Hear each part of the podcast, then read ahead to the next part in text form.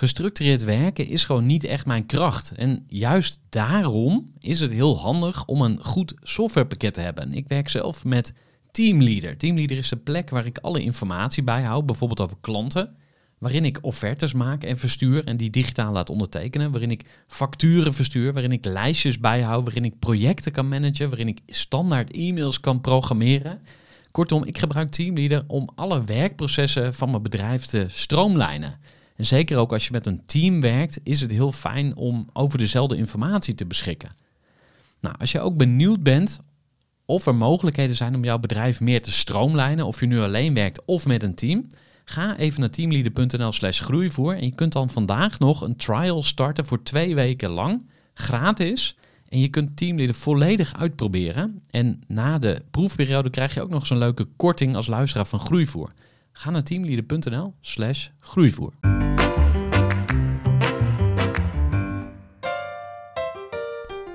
Hey, wat leuk dat je weer luistert naar de Groeivoer podcast. Of misschien is dit wel de allereerste keer dat jij afstemt op dit kanaal. Mijn naam is Gerard Tevelde en in de Groeivoer podcast kun je luisteren naar mooie verhalen over ondernemerschap, persoonlijke groei en spiritualiteit. In deze aflevering spreek ik met Jet Romein van het bedrijf Wijn en Ik. Jet heeft, zoals de naam van haar bedrijf doet vermoeden, een geschiedenis met wijn. Samen met een vriendin raakte zij langzamerhand verslaafd aan wijn. En nu helpt Jet andere mensen om van hun alcoholverslaving af te komen. In dit gesprek hebben we het niet alleen over drank. We hebben het ook over hoe je een goed bedrijf neerzet. En daarbij hebben we het over het hedgehog concept. Als je dat googelt, dan kom je er ook achter wat het is. Maar je kunt ook naar dit interview luisteren. Dit concept, het hedgehog concept, zegt eigenlijk dat je een goed bedrijf kunt opbouwen als je drie dingen hebt: passie, competentie en een goed verdienmodel. Wil je meer weten over Wijn en ik? Ga even naar Instagram en zoek Jet Romein van Wijn en ik. Of ga even naar de website wijnenik.nl. Wil je meer weten over groeivoer? Ga dan even naar groeivoer.nl. Heel veel luisterplezier en graag tot een volgende keer.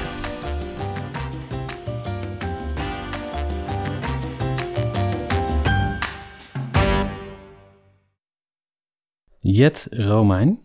Ja. Wijn en ik. Ja. Van harte welkom bij de Groeivoer podcast. Ehm, ja, we gaan gewoon lekker eh, in gesprek. Ja. En ik zou allereerst wat meer willen weten over Jet Romein. Zou je misschien je levensverhaal met mij en de luisteraars willen delen? Ja.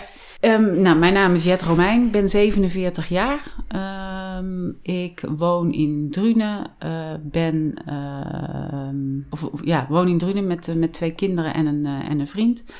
Ehm, kindjes zijn eh, kindjes. Als ze het horen, dan worden ze boos, denk ik. Eh, kinderen zijn 17, bijna 17 en, eh, en 18. eh, dus echte pubers. Mhm. Eh, Jongens, meisjes. Twee jongens. Ja, En wie heb ik net de hand geschud? dat is It's. Iets die, ja, die, die zit voor zijn, eh, zijn examens te blokken. Dus Aha. die eh, is een beetje gestrest, maar ik denk wel dat het goed gaat komen. Ehm, ja, wat, wat, wat moet ik vertellen? Eh, ik, ik heb eh, gestudeerd in een bos aan de HSAO, eh, personeel en arbeid. Doe daar niks mee op het moment. Nou, nu ja, ietsje meer op momenten in mijn, eh, in mijn werk. Ehm, eh, ik, ik ben verantwoordelijk voor het personeelsbeleid. Het bedrijf waar ik voor werk is niet heel erg groot. Maar ja, goed, er zijn altijd eh, personeelszaken waar, eh, waarmee gedeeld moet worden. Dat doe ik. Eh, daarnaast doe ik daar ook de administratie en ik doe het office management. Waar ben je opgegroeid? Ik ben opgegroeid in Vught. Hm? Ehm, daar heb ik eh, gewoond totdat ik een jaar of, even kijken, eh 35 was. Daarna ben ik verhuisd met mijn eh, eh, toenmalige man naar Wijk en Aalburg. En eh, in Wijk en Aalburg heb ik een jaartje gewoond. En daarna ben ik weer terug verhuisd naar Vught. Mhm. En uiteindelijk in Drunen, Drunen terechtgekomen. En Drunen was eigenlijk meer de keuze van... oké, mijn, mijn ex-man woont in Wijk en Aalburg. Ga ik in, ja, in Vught wonen, dan zit je met een middelbare school... waar de kinderen naartoe gaan. En dat is gewoon, gewoon niet handig eh, met, eh, met reizen. Dus heb ik gezegd van nou, dan ga ik in Drunen wonen. Kunnen zij in Drunen op school. En dan het, zeg maar de reisafstand van Drunen naar Wijk en Aalburg is prima te doen. Dus vandaar Drunen. Oké, en Ja. ehm, uit wat voor gezin kom je? Ik, kom, ik ben nakomer. Eh, ik scheel zeven jaar met mijn jongste broer. Ik heb drie broers.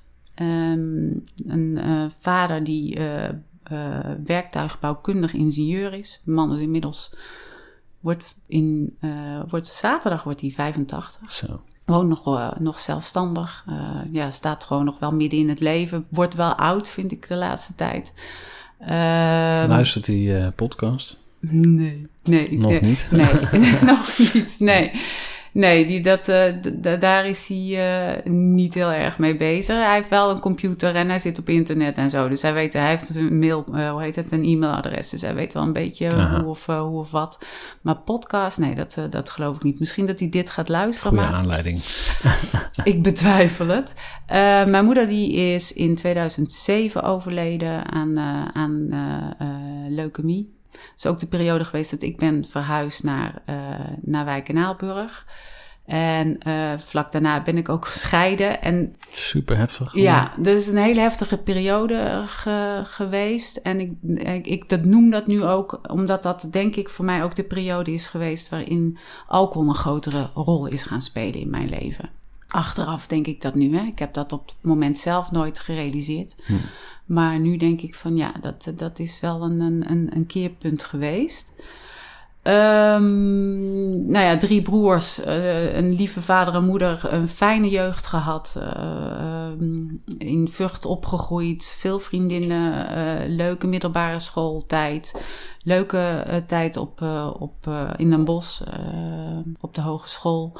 Dus eigenlijk gewoon een prima, prima leven, prima jeugd. eh, ja. Wat, voor, wat voor meisje was je? Jay. Ik denk dat ik wel een heel ehm, zorgeloos, blij kind was. En eh, wel beschermend, beschermd opgegroeid. Drie broers die als een soort van waakhonden achter me aan. eh, Nog steeds? Nee. Nee, dat is wel. Het is nu andersom meer, heb ik het idee soms. Ehm, nee, ik, ik, ik, ik heb. eh, ik was, nee, ik was een, een, een, blij en zorgeloos kind. Ja, zeker. Ik, ik was ook niet zo bezig met, ehm, met de dag. Ik was bezig met de dag zoals die was. En niet, niet met toekomst of, de- of, of, of wat dan ook. Dus eh, hey, prima. Ja. Ja. Ja. En toen kwam er een eh, moeilijke periode aan. Je vertelde dat je moeder is overleden. Ja. En toen verhuisde je weg. Ja. En daarna kwam een scheiding. Ja. En je zei net van, eh, toen ging alcohol ook een andere rol spelen in mijn leven. Is, wil je daar iets over delen of kan je daar iets meer over vertellen? Ja, nou, wat ik net al zei, het, het is iets wat nu achteraf tot me door is gedrongen. Van dat is het moment geweest waarop alcohol een grotere rol in mijn leven is gaan spelen. En ik denk dat dat een bijkom of een, iets is van, van een heleboel zaken die, die opstapelden. Eh, hè, we kregen een, een, een vrij druk sociaal leven in Wijk en Aalburg, waar alcohol bij hoorde, waar veel wijn bij gedronken werd. Eh, avonden met vrienden doorhalen, hartstikke leuk en gezellig. En, ehm, maar ook eh, op dat moment wel een, een, een moeilijke periode, omdat ik eh, de dood van mijn moeder aan het verwerken was. En ehm, in mijn relatie ook niet, niet lekker zat op dat moment. Dus ehm, ik denk dat ik eh, de alcohol toen ben gaan gebruiken, onbewust, om emoties te verdoven om, om zeg maar de, de, de, eh, de emotie niet in de ogen te hoeven kijken. En dat heb ik niet bewust gedaan. En dat vind ik het eh, opvallende. Dat is echt wel een eye-opener voor me geweest de afgelopen nou, anderhalf jaar nu bijna. Dat ik gestopt ben met alcohol. Ik denk van jeetje, dat, je hebt het gewoon niet in de gaten. Je hebt niet in de gaten. Het sluipt er gewoon echt in. Hm. En dat vind ik eng. Dat, dat, eh, dat baart me zorgen. Dat, dat, dat, dat is het eigenlijk. De, moeilijke periode. Mm, Daarna verhuisd. Ik ben verschillende keren verhuisd. Eh, nou, kinderen waren natuurlijk jong, die waren vijf en zeven. Dus daar heb je ook je, de zorgen over. eh, van komen die wel goed terecht? Hebben die er last van?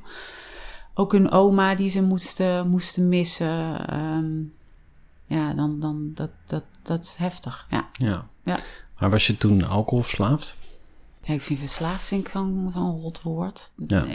Ik zeg altijd liever afhankelijkheid.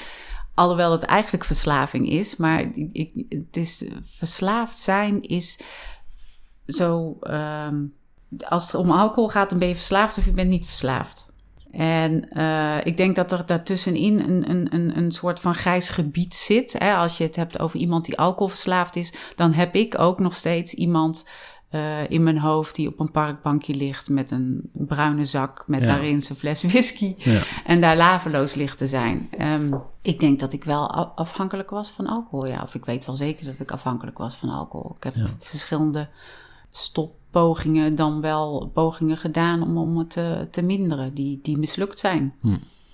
En eh, dus als je, ja, dan, dan, dan ben je verslaafd. Dan Ja. ben je afhankelijk, ben je lichamelijk en met name emotioneel afhankelijk van de alcohol. Hm. Ja. Maar wa- wat, waar zit het verschil? Nou, lichamelijk is, heeft met name, de, hè, als, je, als je stopt met alcohol drinken, dan, dan eh, eh, heb je de lichamelijke afkikverschijnselen. En dat zijn met name de dingen die invloed hebben bijvoorbeeld op, op, op je slaap, dat je slechter slaapt. Je, je, je, je lichaam eh, rekent op die alcoholinname iedere dag weer. En daardoor heb je een soort van kunstmatige manier om in slaap te komen. Mhm. Dus dat is lichamelijk afhankelijk. Een van de manieren waarop je lichamelijk afhankelijk bent van alcohol. Emotioneel is een, is een heel ander verhaal. Hè? De- de- eh, ik was afhankelijk van alcohol om te dealen met eh, stress bijvoorbeeld. Ja. Dus als je thuis komt om even, even relaxen, even een glaasje wijn. En als je eh, dat iedere dag doet, dan vergeet je op een gegeven ogenblik eh, hoe je op een andere manier ook met stress kunt dealen. En Hmm. nou ja, goed, ik noem nu stress als voorbeeld, maar dat kan natuurlijk van alles zijn. Mhm. Dus dat, dat is het verschil tussen lichamelijk emo- en, eh, en emotioneel. Ja. En jouw favoriete drankje? Of wat, wat was de, de fles waar jij naar greep, eh, zo gezegd? Dat was wel de droge witte wijn, ja, de, de, de, de Chau- Sauvignon Blanc. Mhm. Ja, Ja. en, en eh, niet zozeer de Chardonnay.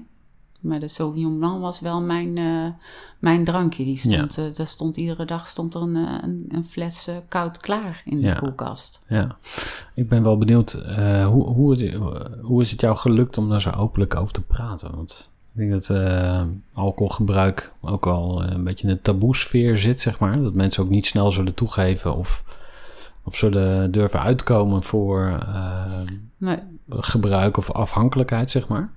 nee, ja, Hoe, hoe sta jij erin? Ja, hoe ben ik gekomen om daar ook zo openlijk over te praten? Ik denk, ik heb daar wel lang over gedaan om daar zo Hmm. openlijk over te kunnen praten. En ehm, ik ben in 1 januari 2018 ben ik gestopt.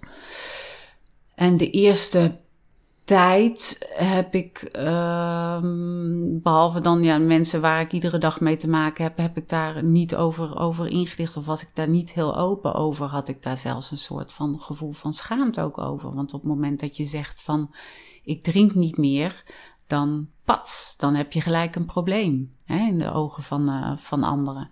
En ehm, dat openlijk praten erover heb ik geleerd, om- om- omdat je, ja, je stopt.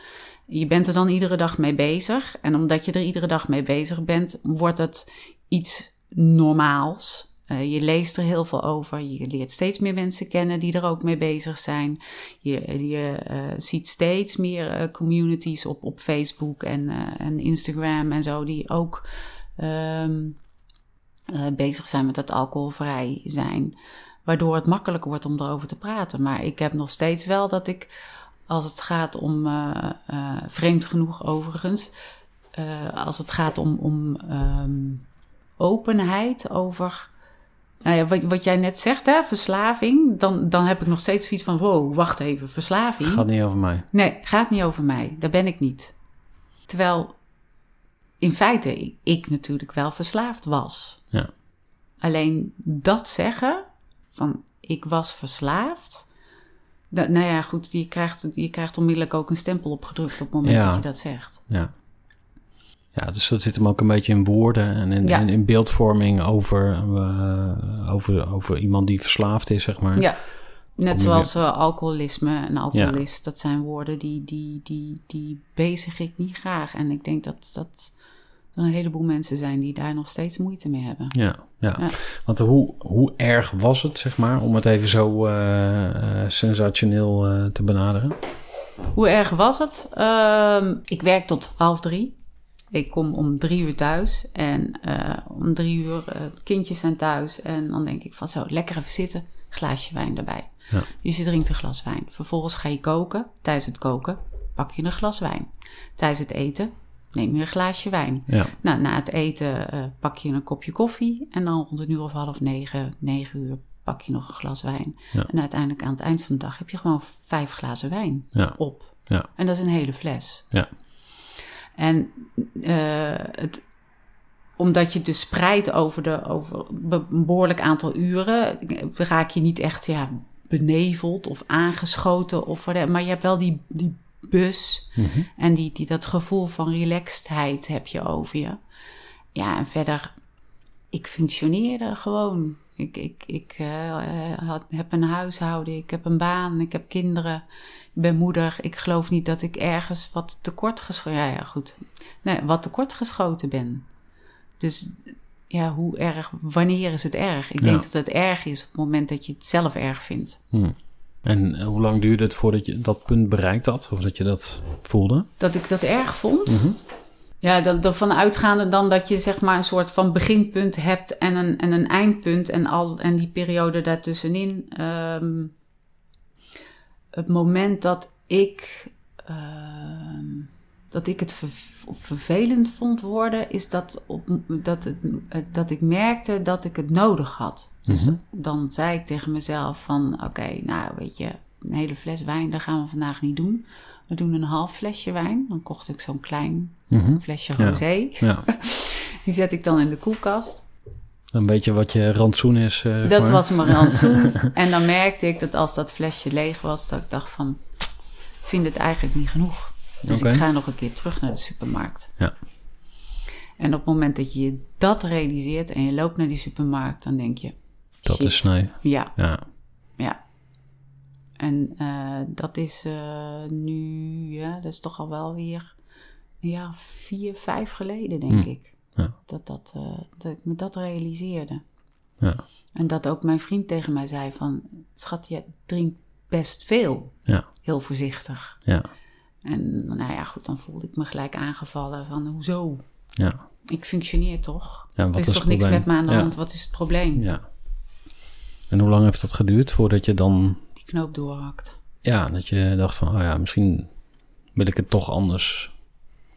Ja, een vriendin van mij, die, die, die, die, eh, dat was echt mijn, mijn, mijn, mijn drinkvriendinnetje. Eh, als wij bij elkaar waren, dan, eh, dan gingen er wel twee of drie flessen wijn doorheen. En dan Mhm. hadden we de grootste lol. En nou ja, goed. Ehm, die zei op een gegeven moment van... Jet, ik, ehm, ik vind het niet oké. Ik stop ermee. Nou ja, dan heb je als drinkvriendinnetje zoiets van... "Oeh, Oh mijn god. Want het, het is ook confronterend voor jezelf. Dat je denkt van jeetje. Ja, maar zij... Als zij dat dan is het bij mij ook een probleem. Want eh, hoe werkt dat precies? Eh, voor jou, eh, of je stopt helemaal, of je gaat ermee door, of is er nog een tussenoplossing? Of wa- wat, wat zijn je ervaringen daarmee? Ja, ik vind dat moeilijk. Kijk, dus per persoon is dat verschillend, denk ik. Ehm, ik voor mij is ehm, moderation, zoals we dat in het, in het Engels eh, noemen, dus met mate drinken, af en toe een glaasje drinken, is geen optie. Nee. Voor mij is één wijn is geen wijn. Hm. En ik heb het geprobeerd om, om inderdaad om mezelf brandstoel te zeggen, te zetten. Maar dat, dat, dat werkt niet voor mij. En ik, eh, ik denk dat het voor heel veel mensen niet werkt. Mhm. Dat uiteindelijk, dat je wel een bepaalde periode, eh, dat het wel kan werken voor je. Maar de kans dat je ja, Terugvalt, terugvalt, ja. ja. dat vind ik ook zo'n rotwoord, dat je terugvalt, eh, is, is latent aanwezig. Ja. ja. Nou, hele, hele dappere keuze. Ehm, ehm, had je dan nog andere substanties die je ook graag eh, gebruikte? Of, Heb je het Nee. bij wijn gelaten? Nee, het was voor mij echt de witte wijn. Ja. En eh, het grappige is, is dat ik nu... eh, mijn vader, die drinkt de rode wijn. Er staat er ook een fles klaar voor hem. Voor zo, ja. voor zo meteen. ja, en dat vind ik gewoon vies. Hm. En dat vond ik niet.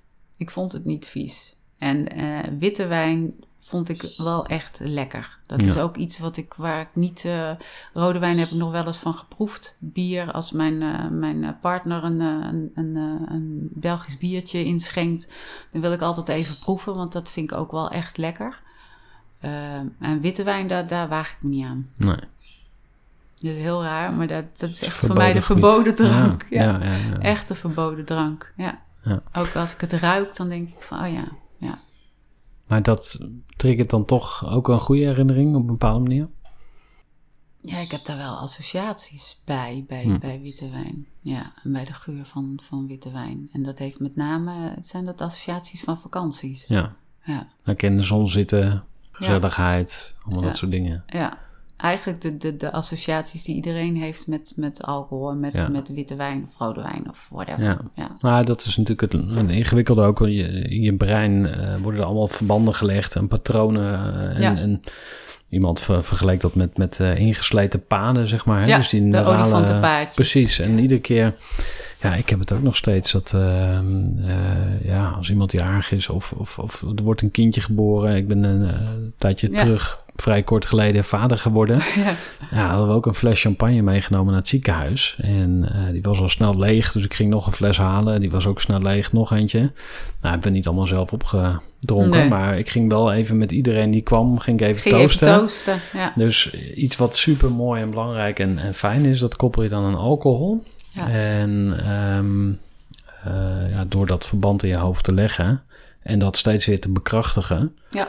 ehm, zitten er ook heel veel positieve dingen gekoppeld aan, aan alcohol. Ja, klopt. En zoals je net ook al zei, Ja. even in eh, het gesprek voorafgaand aan het interview van roken is lekker duidelijk, want iedereen weet gewoon dat is super slecht. is. Ja. Maar alcohol Ja. ehm, heeft twee gezichten, zeg maar. En ehm, ja, in sommige gevallen kom je er ook niet achter ehm, hoe je leven eruit zou zien zonder. Nee. Hè, dus eh, als je rookt, dan weet je gewoon, je longen worden zwart. Eh, maar als je alcohol gebruikt, ja, het is niet zo dat je dan, eh, weet ik veel, aanslag op je tanden krijgt. Of dat op een of andere manier heel duidelijk kan Nee. terugzien. Klopt. Het is, het is niet Ja. duidelijk dat wat, wat het voor invloed heeft op je, op je gezondheid. Nee. Ik merk nu niet meer drink, Mhm. dat ik, ik heb zeeën van tijd. Hm. Nu begint dat weer een beetje af te nemen, omdat ik die zeeën van tijd heb volgestopt met allerlei andere activiteiten. Maar Ja. toen ik dus net gestopt was, meteen dacht ik van, oh my god. Ga ik Kom ik om drie uur thuis en dan? Wat moet ik dan gaan doen? Ja. Hè, we zien drinken ook als een activiteit, hè? op, op zich. Van we gaan, we komen bij elkaar en dan gaan we gezellig een glaasje wijn drinken. Maar je komt bij elkaar om, om te praten en met elkaar te socializen. Connecten. Ja. Dus eh, Even een korte onderbreking met een belangrijke vraag aan jou. Want wat heb jij geregeld voor het geval je van de ene op de andere dag zou komen uit te vallen? Wat gebeurt er dan met je bedrijf, maar vooral wat gebeurt er met jou persoonlijk en ook in financieel opzicht? Samen met ASR voerde ik drie openhartige gesprekken over tegenslag en veerkracht. En dat deed ik met Saskia, Vincent en Pieter. Ondernemers met een bloeiend bedrijf die van de ene op de andere dag niet meer konden werken. En die verhalen hoor je in aflevering 256, 257 en 258 van deze podcast. Als ondernemer wil je natuurlijk niet uitvallen. En daarom is het belangrijk dat je veerkrachtig bent, want voorkomen is beter dan genezen. En als het dan toch misgaat, is het fijn dat je iets geregeld hebt, zodat je weer snel door kunt met ondernemen. Wil je weten hoe veerkrachtig jij nu bent? Vul dan in twee minuten de veerkrachttest van ASR in. Ga naar asr.nl slash veerkrachttest ondernemers. We gaan even het sprongetje maken naar jouw eh, business. Want Ja. we hebben nu eigenlijk al eh, best wel een lange tijd over jouw persoonlijke verhaal. Maar eh, wat ik heel mooi vind is dat je ook je eigen bedrijf hebt opgericht. Wijn en ik. Ja. Wijnenik.com. Kan, je, kan je eens wat meer vertellen over Wijn en ik? ja, dat kan ik. Ehm, ik ben na de zomer. ehm, Nee, ik moet het anders zeggen. Ik, ik, ik ben, zoals ik net al zei, uh, heel veel gaan, gaan lezen, maar gaan verdiepen in van wat is alcohol en wat, wat doet het met. Uh, ik had geen idee. Ik, voor mij was echt het feit dat alcohol verslavend is. Op, op het moment dat me, dat bij me binnen. Natuurlijk wist ik dat het verslavend was, maar dat het. Um, dat dat ook de reden was waarom ik er afhankelijk van was. Dat was voor mij echt een donderslag bij heldere hemel. Van, oh, het is verslavend. En toen ben ik me wat meer gaan verdiepen in van wat is nou precies verslaving? En wat doet alcohol met je? En wat doet alcohol met je lichaam? Wat doet alcohol met je brein? En uh, naarmate ik daar meer over ging lezen, kwam ik daar steeds verder van af te staan. En had ik steeds meer zoiets van: dit, dit moet je gewoon niet willen drinken. En omdat, daar hadden we het net ook al over, omdat de maatschappij doordrongen is uh, van uh, alcohol. In de zin van dat, dat alcohol op alle gebieden een rol heeft in ons leven. Um, en we eigenlijk de, de, de, de, de effecten een beetje wegpoetsen. Dat ik zoiets van, ja, verdorie. Ik denk dat er meer mensen zijn zoals ik, die, die, uh, uh, die struggelen eigenlijk met, met uh, de plek die alcohol heeft in hun leven, maar niet durven er iets mee te doen.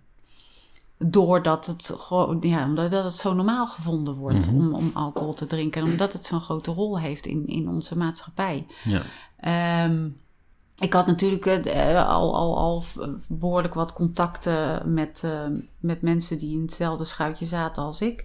En uh, nou, ik merkte, ik kwam steeds meer terecht op, op communities in, in de VS en in de, in de UK. Hmm. En daar is het echt booming. Daar is het een soort van, van ja, beweging, zeg maar. Oh ja. De hele awareness rondom alcoholgebruik. En, uh, hoe, hoe komt dat? Uh, waar, waar, komt dat dan ineens vandaan? Of is het al langer aan de gang? ja, dat weet ik niet of dat ineens is. Ik denk dat de Amerikanen sowieso een andere positie hebben... of een andere houding hebben ten opzichte van alcohol... dan dat wij Nederlanders dat, dat hebben.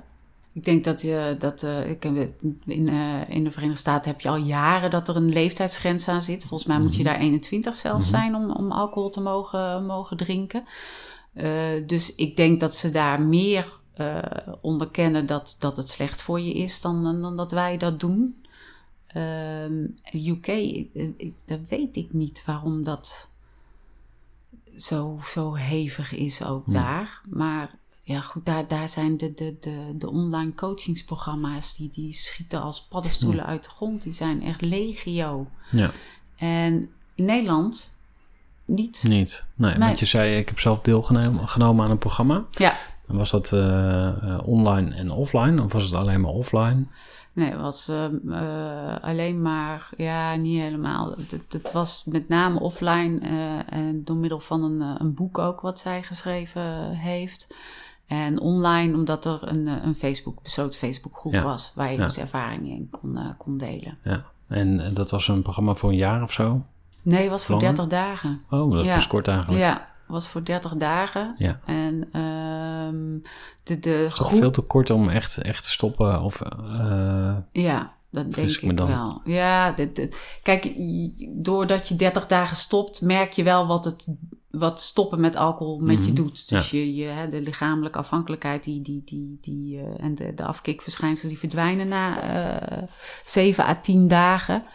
En vervolgens ga je merken dat je ook met name die emotionele afhankelijkheid hebt. Dus je krijgt wel een tipje van de sluier, krijg je wel. Hm.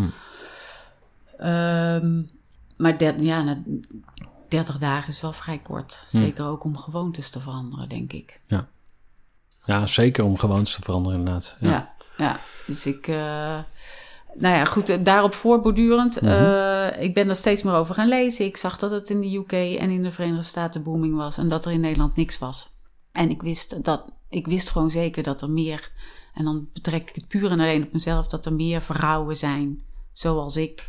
die ook struggelden, struggelen... met hun relatie met alcohol. Toen dacht ik van... joh, waarom ga ik dat niet zelf doen? Waarom ga ik zelf niet mensen helpen, ondersteunen bij ook gewoon zeggen van joh, je bent niet alleen.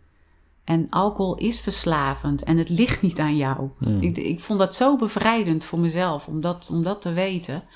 dat ik zoiets had van ik wil dit delen. Dus toen uh, begon eigenlijk het, idee steeds meer te leven van ik ga dit aanbieden. Mhm. Online, gratis. Ehm, en toen werd ik eigenlijk vrij snel door een vriend opgewezen van... joh, dat moet je niet gratis gaan doen, want dan word je niet serieus genomen. Dus je moet er geld voor gaan vragen. En uh, toen merkte ik ook dat ik toch wel heel wat um, eisen had aan uh, de manier waarop ik het programma aan wilde bieden. Waardoor ik uh, toch wel een, een, iemand in de arm moest nemen om een website -hmm. voor me neer te gaan zetten. En dat kost geld. Ja. Dus nou ja, toen ben ik toch geld gaan vragen Ja. voor, voor mijn programma. Ja. Eh, het doel is nog steeds ehm, om mensen te helpen, Ja. mensen te ondersteunen. En niet zozeer om geld te verdienen. Nee. Nee. Want voor mijn beeldvorming, wat, eh, wat, hoe is het programma opgebouwd?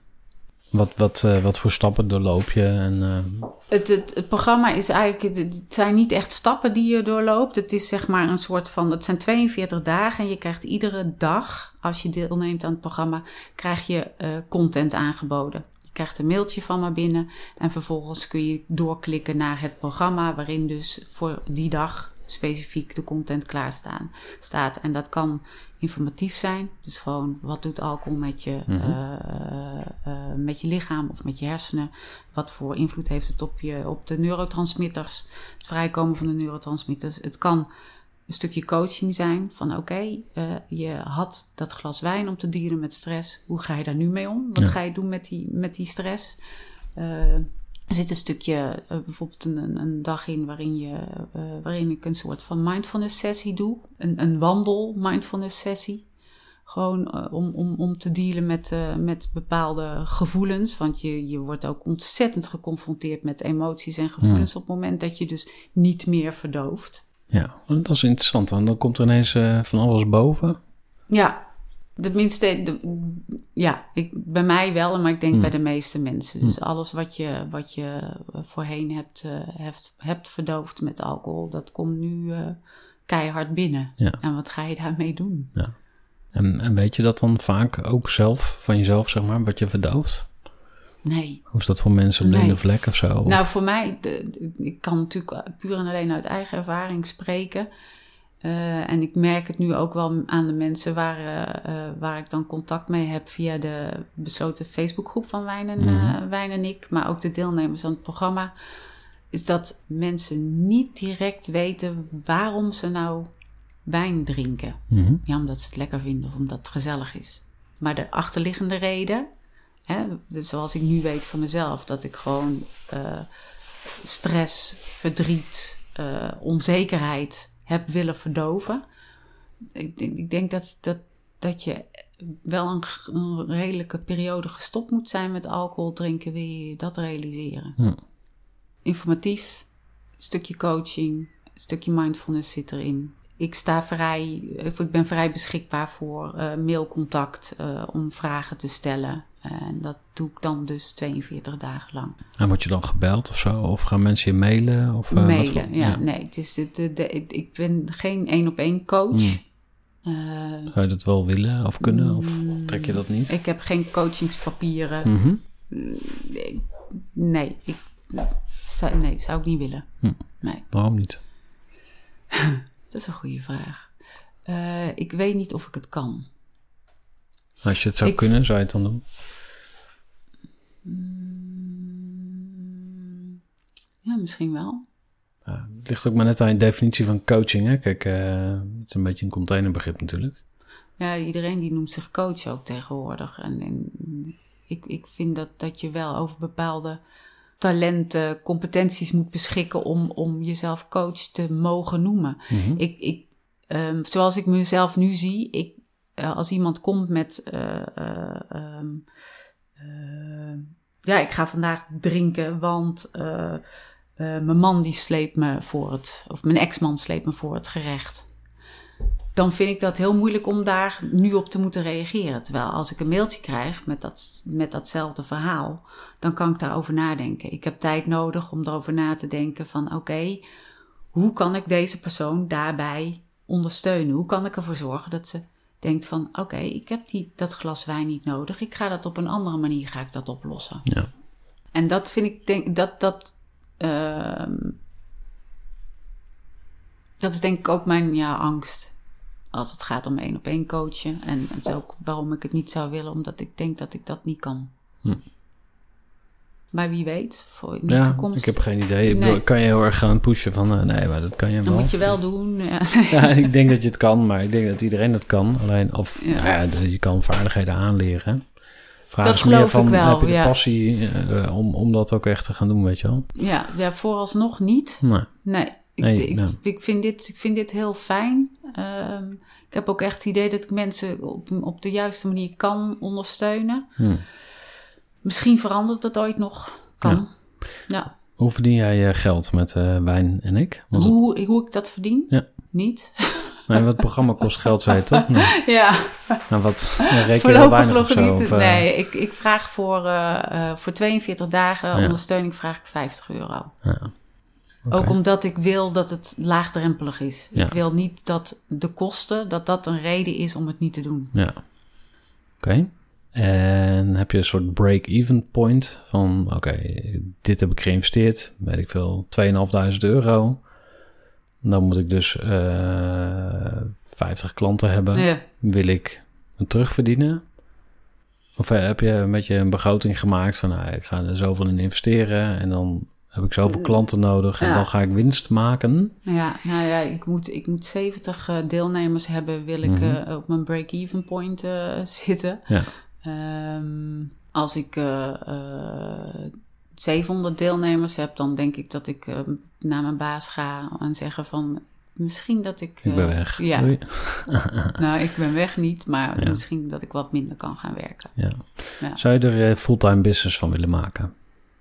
Dan zit het bij jou zo diep dat je echt denkt van... Ah, ik ben gewoon een strijder voor eh, of tegen alcohol dus. Dat is mijn missie. eh, Ik zou dat wel heel gaaf vinden, ja. Hm. Ja. Ja, ik weet nog even niet hoe. Ik kom dus uit een gezin waar Ja. ondernemerschap totaal niet in zit. nee. Nou, je Dat zit ik- met de juiste persoon aan tafel. ja. Mijn handen jeuken echt. Nee, dit, Ja. dit is, ja, dit is niet, ik bedoel, dit, dit was niet een vooropgezet plan of zo om het eh, zo bij je uit te vragen. Maar dit, dit is mijn grootste hobby om ehm, na te denken van hoe kan je een, een winstgevende business opzetten. Hmm. Want eh, er zijn heel wat management gurus, maar er is één management guru die had een concept. Eh, dat, noemde ze de, dat noemde hij de hedgehog eh, concept. En nou, ik zal die achtergrond besparen, maar Ja. de, het komt erop neer dat je drie dingen nodig hebt voor een succesvol bedrijf. Ja. Eén is passie, twee is competentie en drie is een verdienmodel. Dus als jij super gepassioneerd ergens over bent en je bent er heel goed in, ja. maar je hebt geen verdienmodel, dus er komt geen geld uit, dan kan je dat prima naast je werk doen of in je eh, vrije tijd of Mhm. eh, als je op een andere manier geen geld nodig hebt, is dat helemaal prima. Ja. Ehm, maar als je echt een business ervan wilt bouwen, dan eh, moet je dat stuk wel gaan fixen. Nou, Ja. ik heb eh, in ruim tien jaar ondernemerschap heel veel verschillende dingen geprobeerd. Ik heb heel veel fouten gemaakt. Ik heb heel veel leergeld betaald. Ik heb meer dan een half miljoen aan euro's echt over de balk gesmeten. In allerlei projecten en mislukte experimenten. Allemaal dat soort dingen. gedaan. En gedaan. Ja. En ehm, nog steeds maak ik fouten. Nog steeds gooi ik geld over de balk. Ehm, dat hoort ook een beetje bij mijn leerstijl, zeg maar. Mm. Dus ehm, eh, experimenteel. Maar een van de dingen bijvoorbeeld is van... oké, waar zit het geld? Dus eh, als je eh, één op één coaching gaat doen voor particuliere klanten... dat is lastig, want een consument geeft anders geld uit dan een bedrijf. Ja. Terwijl als je bij een organisatie zit en je zou daar eh, coaching kunnen doen op basis van leefstijl Mhm. en je vraagt een tarief van 120 euro per uur, dan heb je ineens een heel ander gesprek. Dan is Ja. het ineens eh, niet veel geld. Terwijl Ja. als je dat bij een particulier. Oh, maar, eh, dit, maar dit is één klein voorbeeldje. Eh, dus je zou daarover kunnen gaan nadenken van wat, wat voor producten of diensten zou kunnen gaan creëren die Mhm. geld waard zijn. En dat wil nog niet zeggen dat het makkelijk is. Dus eh, dat kan alsnog vijf jaar duren voordat je echt een beetje solide business hebt Ja. opgebouwd. En mensen moeten je gaan eh, leren kennen, Ja, vertrouwen met name enzovoort. dat. Zeker in, eh, hier in, in, in, zeg maar in mijn met Jay. Ja, Ik merk, ik merk ook hoor dat dat. ehm, ik, ik heb het idee dat ik wat dat betreft een beetje een klokkenluider ben in, in Nederland als het gaat om, om, om dit verhaal. Mensen nog helemaal nog niet zo ver zijn dat ze die, dat bewustzijn rondom Hmm. alcohol is er gewoon nog niet, Hmm. heb ik het idee. Dus eh, nou ja, goed, eh, om terug te komen op jouw eh, verhaal, eh, ehm, geld verdienen. ehm, wat ik net al zei, dat was niet de opzet. Het was niet de opzet Nee. om geld te gaan verdienen. Het was de bedoeling om mensen mooi. te ondersteunen. Ja. En ehm, op een gegeven moment toen zei een, een, mijn zwager zei tegen mij van... joh Jet, je moet een website neer gaan zetten. Gooi er duizend euro tegenaan. Ja. En wij hadden alle twee zoiets van... duizend euro? Ja. Dat, dat zit er gewoon niet, niet in. En uiteindelijk zijn we er naartoe gegroeid van... dit gaan we toch gewoon doen. Ja. En we gaan die website laten bouwen. En we gaan het programma zo neerzetten zoals we het bedacht hadden. Ja. Dus ik, ik merk wel dat ik daar nog in aan het groeien ben. Ja. En, en ja, wie weet.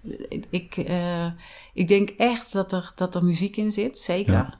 In, de, in, eh, in, in, het, eh, hè, in deze business. Ja. Ehm, Ja, ook omdat je hebt het niet alleen over. ehm, kijk, je, je beïnvloedt levens op een positieve manier. En dus je helpt mensen van een bepaald probleem af. Ehm het is een heel taai probleem volgens mij. Want Ja. Het probleem wordt al onderkend, of, eh, ontkend. Dus mensen zeggen al überhaupt: nee, ik heb helemaal geen probleem. Dus dat is al stap één om mensen ervan bewust te maken of te overtuigen van: hé, hey, je hebt een probleem. ja. Ja, Ja, dat, is, dat is niet mijn, mijn eerste. Want dat, ehm, ik wil mensen niet bewust maken van het feit dat ze een probleem hebben. Hmm. Ik keer het liever om. Mensen die zelf vinden dat ze Ja. een probleem hebben, die komen bij die mij. komen naar jou Ja. toe. Ja, precies. Ehm, maar stel je zegt tegen iemand: oké, je stopt met alcohol. Mhm. Als je elke dag een fles wijn drinkt van 5 euro en je doet dat 42 Ja. dagen lang, dan heb je al eh, 2000 euro. Heb je ze al. eh, Ik doe het nog steeds. Ik, eh, ik spaar iedere week spaar ik 35 euro. Ja, Dat is mijn eh, non-alcoholpotje. ja, dus de, de, de, de business case voor, jou, voor jouw programma die is, die is supergoed. Ja. Dus eigenlijk is het dan gek dat je daar maar 50 euro voor vraagt. Ja. Ehm, maar goed, dat, dat is even een side note. Eh, je kan nog een stap verder gaan en zeggen van... hey, de productiviteitswinst die je Mm. behaalt in je leven door niet te drinken... die is enorm. Ja. Want jij zegt, je houdt enorm veel tijd Ja. over... die je niet gebruikt om glazen in te schenken en om te spoelen... Ja. en allemaal dat soort Ja, maar ook gewoon te gaan... Je gaat, als je wijn gaat drinken, hè, Ja. zoals ik dat deed... Je gaat zitten. Je gaat zitten en je gaat wijn drinken. Ja, En ja. als ik nu thuis kom, dan ga ik dingen doen. Ja. En dat varieert van eh, muren schilderen tot eh, eh, een stuk wandelen. Ja. ja, maar dan word je dus productief... in plaats Ja. van dat je iets aan het consumeren bent. Klopt. Ja. Ja. Maar het is nog steeds zo, en daar wil ik eigenlijk ook iets mee, of tenminste, dat, dat, dat, daar speel ik mee. Ehm, wat drink je tijdens het eten? Behalve water. Mhm. Normaal gesproken drink je een wijntje bij het, Ja. bij het eten. En ehm, ik geloof dat daar echt wel, ik geloof dat er in Amsterdam zit er een, een, een, restaurant dat een theearrangement Hm. eh, aanbiedt bij het menu, in plaats van een wijnarrangement. Interessant. Dus ik denk dat daar ook nog heel veel mogelijkheden zijn. Ja. Ik heb nu contact gehad met eh, eh, een dame die werkt bij een bedrijf dat. Dat is natuurlijk ook iets wat, wat, wat aan dat wijndrinken vasthangt. Wijn zit in een mooi glas. Mm. Het zit in een mooie fles. Het ziet er mooi uit. Ja. Dus we zoeken ook naar, daar naar een soort van alternatieven. Ja, ik zat te denken aan een waterproeverij. Dat je gewoon een waterproeverij organiseert. Ja. Met tien verschillende smaken water. Terwijl, ja, wat ik dan denk- weer aansluit op het eten dat je erbij aanbiedt. Ja, ja. Want alcoholvrij is natuurlijk wel echt wel heel erg actueel. ja. Want wat, wat is jouw mening of ervaring daarmee met eh, alcoholvrije eh, producten? Alcoholvrij bier, alcoholvrije wijnen.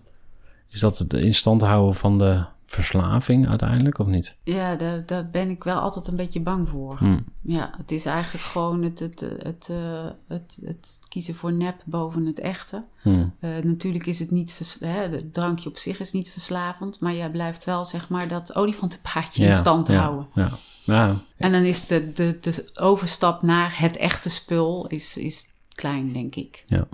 Dus ik denk echt dat het, wil je je eh, alcoholgebruik uh, veranderen, moet je je gewoontes veranderen. Ja.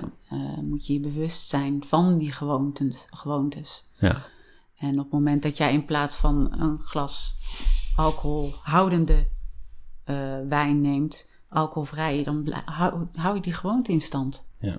Dus als we het hebben over successen vieren in een bedrijf, dan zou je eigenlijk iets anders moeten verzinnen voor champagne. Als je elke vrijdag een vrij Mibo hebt, dan zou je eigenlijk ja. ook kunnen nadenken van... hey, kunnen we daar iets anders voor uh, verzinnen? Ja.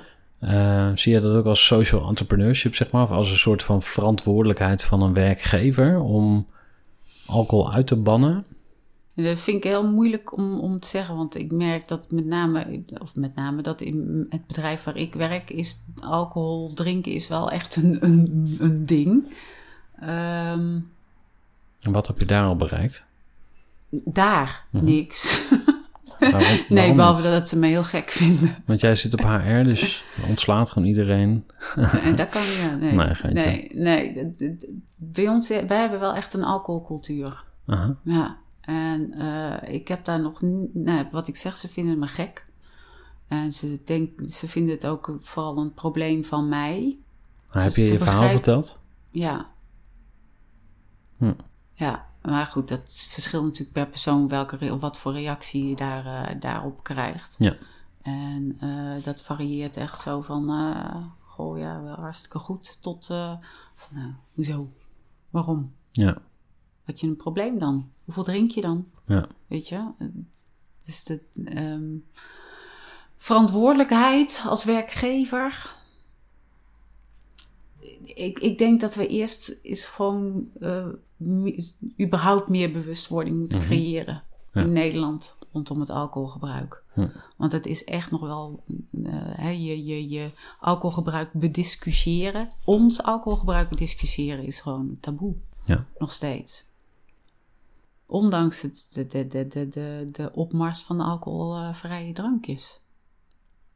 Ja, ik vind het ook eh, eerlijk zo best een ingewikkeld ding. Want eh, ik, als je, ja, dat zit zo diep, weet je wel, in je brein gaan. De, de, positieve dingen, Ja. weet je wel, zo'n mooi, mooi, mooi, eh, mooi, Mooie- mooie fles mooie wijn, wijn. mooi etiket. Ja. Weet je wel, gisteren nog fles eh eh eh, eh, Cremant de Bourgogne Ja. losgetrokken, weet je wel, met zo'n mooie eh, gouden... Mooie, ja. Maar zo primitief is het, weet je wel. Dat, en dan Ja. die kurk, weet je wel. En het Ja. ritueel. Het, is, het zit, het zit gewoon zo diep.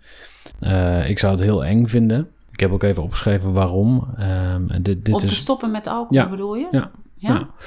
Er is een begrip dat, dat heet loss, aver- loss aversion. Ja, dus angst om te stoppen. Ja, Ja. en eh, dat, dat, dat speelt denk ik een belangrijke rol. Dat ik denk van, als ik stop met alcohol, mag ik nooit meer puntje, puntje, puntje. Dus dat voelt als iets verliezen. En gek genoeg is Ja. het hetzelfde principe als stoppen met roken. Want ik heb tien jaar gerookt. Mhm. En toen was ik ook altijd bang van, ja, als ik nu stop met roken, dan mag ik dus nooit meer roken. Hè, wel wat erg. Mag of kan, ja. Ik Ja. heb toevallig gisteren nog in de, in de, in de Facebookgroep over gehad. Hm. Ik had de vraag gesteld, eh, wat is je grootste angst Hm, als het gaat om stoppen met alcohol drinken? En ik had daar een aantal opties gegeven, maar ook de gelegenheid om zelf een optie toe te voegen. hm, En de eerste die eh, de, de poll invulde, die zei eh, nooit meer mogen of kunnen drinken. Ja.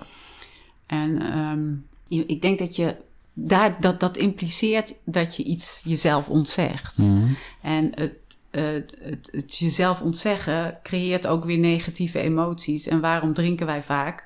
Om die negatieve emoties te verdoven. Ja. Dus als je het anders tegen jezelf zegt, van tuurlijk, ik ben 18 plus, ik mag en ik kan drinken. Ja. Alleen ik kies ervoor om het niet te doen, Hm. omdat het beter voor me is. Ja. En als je het op die manier benadert, dan, dan is het geen ontzeggen meer, maar dan is het gewoon, dan kun je trots op zijn ja. om beter in mijn vel te zitten. Om, om, om vol in het leven te staan. Alles te zien, te horen, te ruiken, te proeven Ja. zoals het is. Ja. En combineer jij het ook met ehm, eh, andere dingen in je leefstijl? Dus andere voeding of meer sporten of dat soort dingen? Of, Ja, daar meer sporten, daar komt vanzelf omdat je heel veel tijd hebt. Ja. En je, je, ja, je, goed, je, met name in het begin ben je heel onrustig. hm, En ehm, ik ben heel veel gaan wandelen. De- en, en dat is dat wandelen, dat is echt ehm, fijn om, om ehm, om inderdaad te, te dealen met, uh, met, met de gevoelens die, die je hebt en de onrust die je hebt. Sporten, ja, nogmaals, ik, ik heb mensen inderdaad in de, in de Facebookgroep zitten die, die per week vier uur sporten. Gewoon ja. ook om, omdat ze van, ik wil niet thuis zitten. Ja, die ja. verwijderen zichzelf letterlijk van de alcohol die thuis staat door te Hmm. gaan sporten. En dat kan, dat is een goede manier, denk ik. En qua voeding, ehm, ik, met name in het begin vind ik dat je, dat je, dat je niet, moet je, je moet niet te veel van jezelf verwachten. Je moet niet en stoppen met alcohol en gaan letten op je voeding en niet, geen suiker meer willen eten. En ook nog eens een keer heel veel willen gaan sporten. Te veel tegelijk. Dat is te veel tegelijkertijd. Ja. Je moet je in het begin met name concentreren op dat alcoholvrij zijn of dat alcoholloos zijn, hoe je het wil, eh, wil noemen.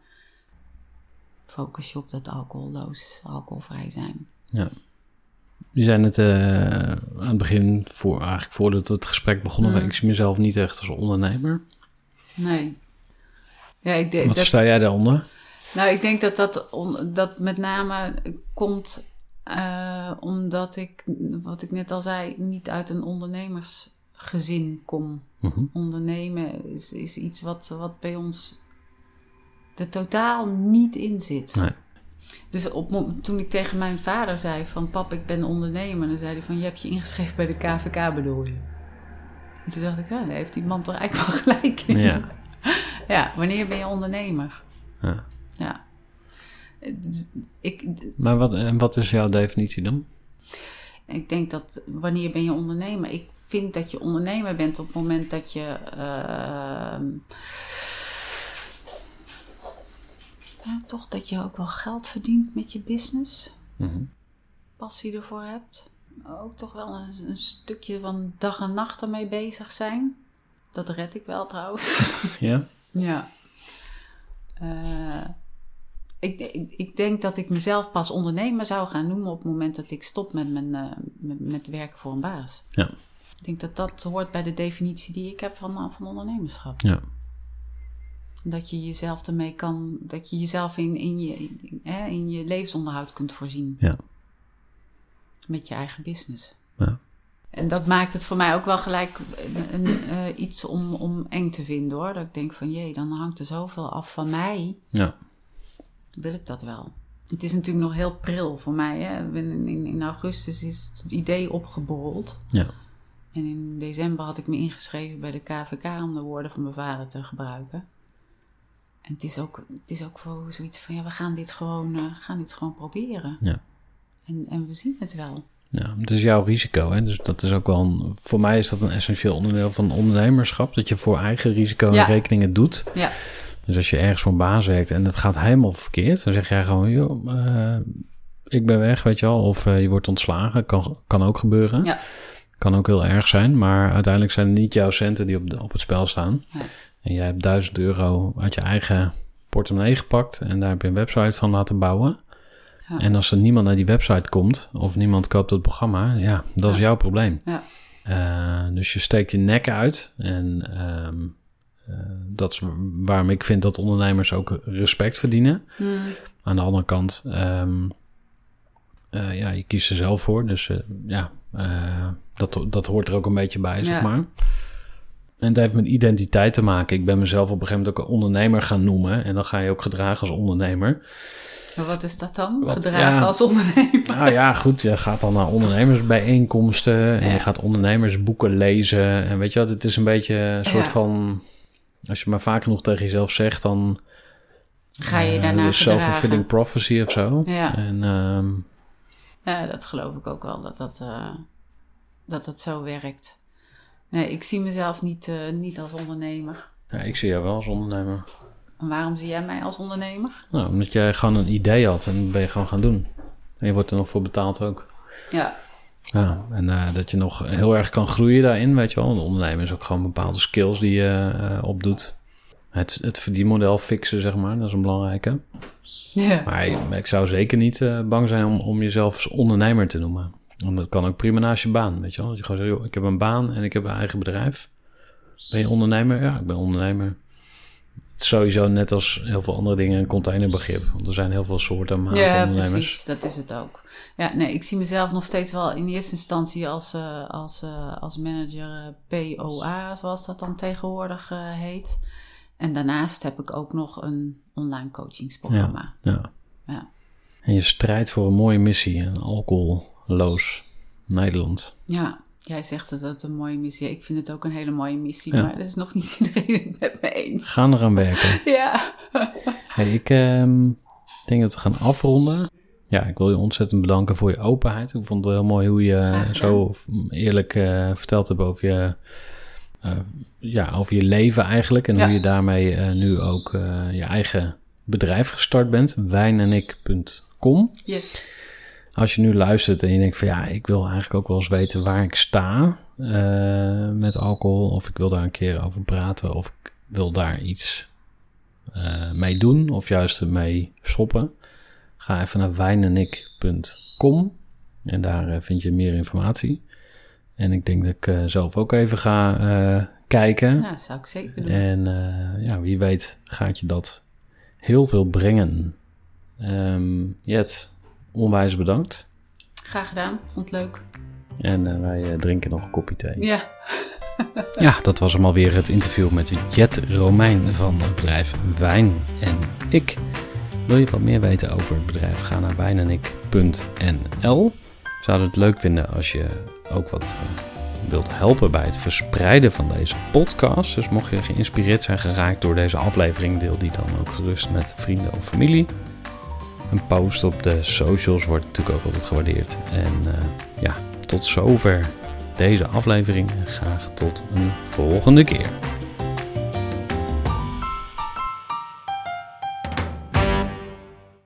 Gestructureerd werken is gewoon niet echt mijn kracht. En juist daarom is het heel handig om een goed softwarepakket te hebben. Ik werk zelf met Teamleader. Teamleader is de plek waar ik alle informatie bijhoud, bijvoorbeeld over klanten. Waarin ik offertes maak en verstuur en die digitaal laat ondertekenen. Waarin ik facturen verstuur, waarin ik lijstjes bijhoud, waarin ik projecten kan managen, waarin ik standaard e-mails kan programmeren. Kortom, ik gebruik Teamleader om alle werkprocessen van mijn bedrijf te stroomlijnen. En zeker ook als je met een team werkt, is het heel fijn om over dezelfde informatie te beschikken. Nou, als je ook benieuwd bent of er mogelijkheden zijn om jouw bedrijf meer te stroomlijnen, of je nu alleen werkt of met een team, ga even naar teamleader.nl slash groeivoer en je kunt dan vandaag nog een trial starten voor twee weken lang, gratis. En je kunt Teamleader volledig uitproberen. En na de proefperiode krijg je ook nog zo'n leuke korting als luisteraar van Groeivoer. Ga naar teamleader.nl slash groeivoer.